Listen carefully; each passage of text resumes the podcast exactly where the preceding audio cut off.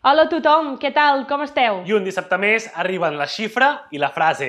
Entrem al territori Z.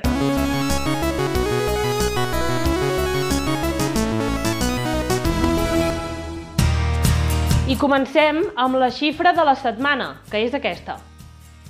Dos milions de persones que són les que parlen català com a primera llengua. És una de les xifres, de les dades que recull un informe de la Plataforma per la Llengua. I avui volem aprofitar aquest informe per parlar del català, de la seva salut i de com es troba actualment i avui la xifra seran xifres en plural. D'entrada, ara us ho dèiem, 2.100.000 persones són les que el 2018 tenien el català com a llengua materna, com a llengua principal. Una xifra que sí que és cert que en els últims 15 anys ha augmentat 9.000 persones més tenen el català com a llengua materna, però atenció, perquè des del 2003 la població a Catalunya ha crescut un milió de persones. Per tant, la gent creix molt i, en canvi, les persones que parlen en català no creixen tant. Per tant, hem d'estar alerta. Una altra xifra. Segur que molts de vosaltres teniu Netflix i mireu sèries, pel·lícules a través de Netflix. Allà hi ha més de 2.000 pel·lícules i d'aquestes 2.000, només 4 són en català. I podeu pensar, clar, però si no estan traduïdes és difícil. Doncs no, perquè d'aquestes 2.000, 330 ja estan doblades o traduïdes al català, però la plataforma no les ofereix.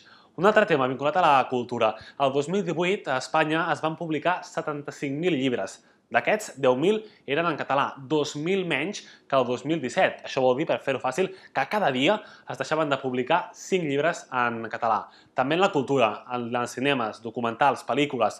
El govern espanyol, en els últims 5 anys, ha invertit gairebé 400 milions d'euros en pel·lícules documentals en castellà. Ara bé, en català, basc o gallec, ha invertit 0 euros, ni un duro. Aquestes són les xifres d'avui per analitzar com està el català actualment. Ara ja és cosa vostra pensar si està bé de salut o si està malalt i s'hauria de recuperar.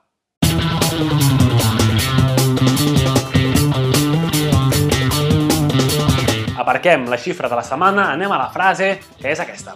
Fa escassament un quart d'hora he signat el decret que estipula la fi de la fase 3 del desconfinament dissenyat pel govern espanyol i l'entrada a la fase de represa que ja regularem completament des del govern de Catalunya a través del Procicat i sempre obeint els criteris dels experts i amb una única prioritat, la salut i la vida dels ciutadans. Ell és, Núria, el president de la Generalitat de Catalunya, Quim Torra. Que va anunciar dijous tots els detalls de la nova normalitat que va començar ahir a Catalunya. El dijous, a les 12 de la nit, es va posar el punt final a la fase 3 i es van deixar enrere les fases del desconfinament per començar la que haurem d'anomenar fase de represa, així n'hi diu el govern català. I què passarà a partir d'ara? Doncs de moment encara haurem de conviure amb les mascaretes, que seran obligatòries pels majors de 6 anys en espais tancats i quan no es pugui mantenir la distància d'un metre i mig. També n'haurem de portar al transport públic. I això sembla que va per llarg, perquè fins que no es trobi una vacuna pel coronavirus haurem de continuar amb les mascaretes i amb aquesta distància d'un metre i mig. I una de les principals novetats és en la mobilitat, perquè des d'ahir ja ens podem moure lliurement per tot Catalunya i, de fet, a partir de dilluns, un cop s'hagi acabat l'estat d'alarma, també ens podrem desplaçar per tot Espanya. I què més podrem fer en aquesta represa? Doncs es podran fer activitats a l'aire lliure, això sí, amb mascareta i amb la distància de seguretat, i amb un aforament limitat a 2.000 persones o a 3.000 en aquells casos en què s'hagi signat el seient prèviament. I en aquests casos també serà molt important, serà fonamental que no hi hagi aglomeracions ni a les entrades ni a les sortides.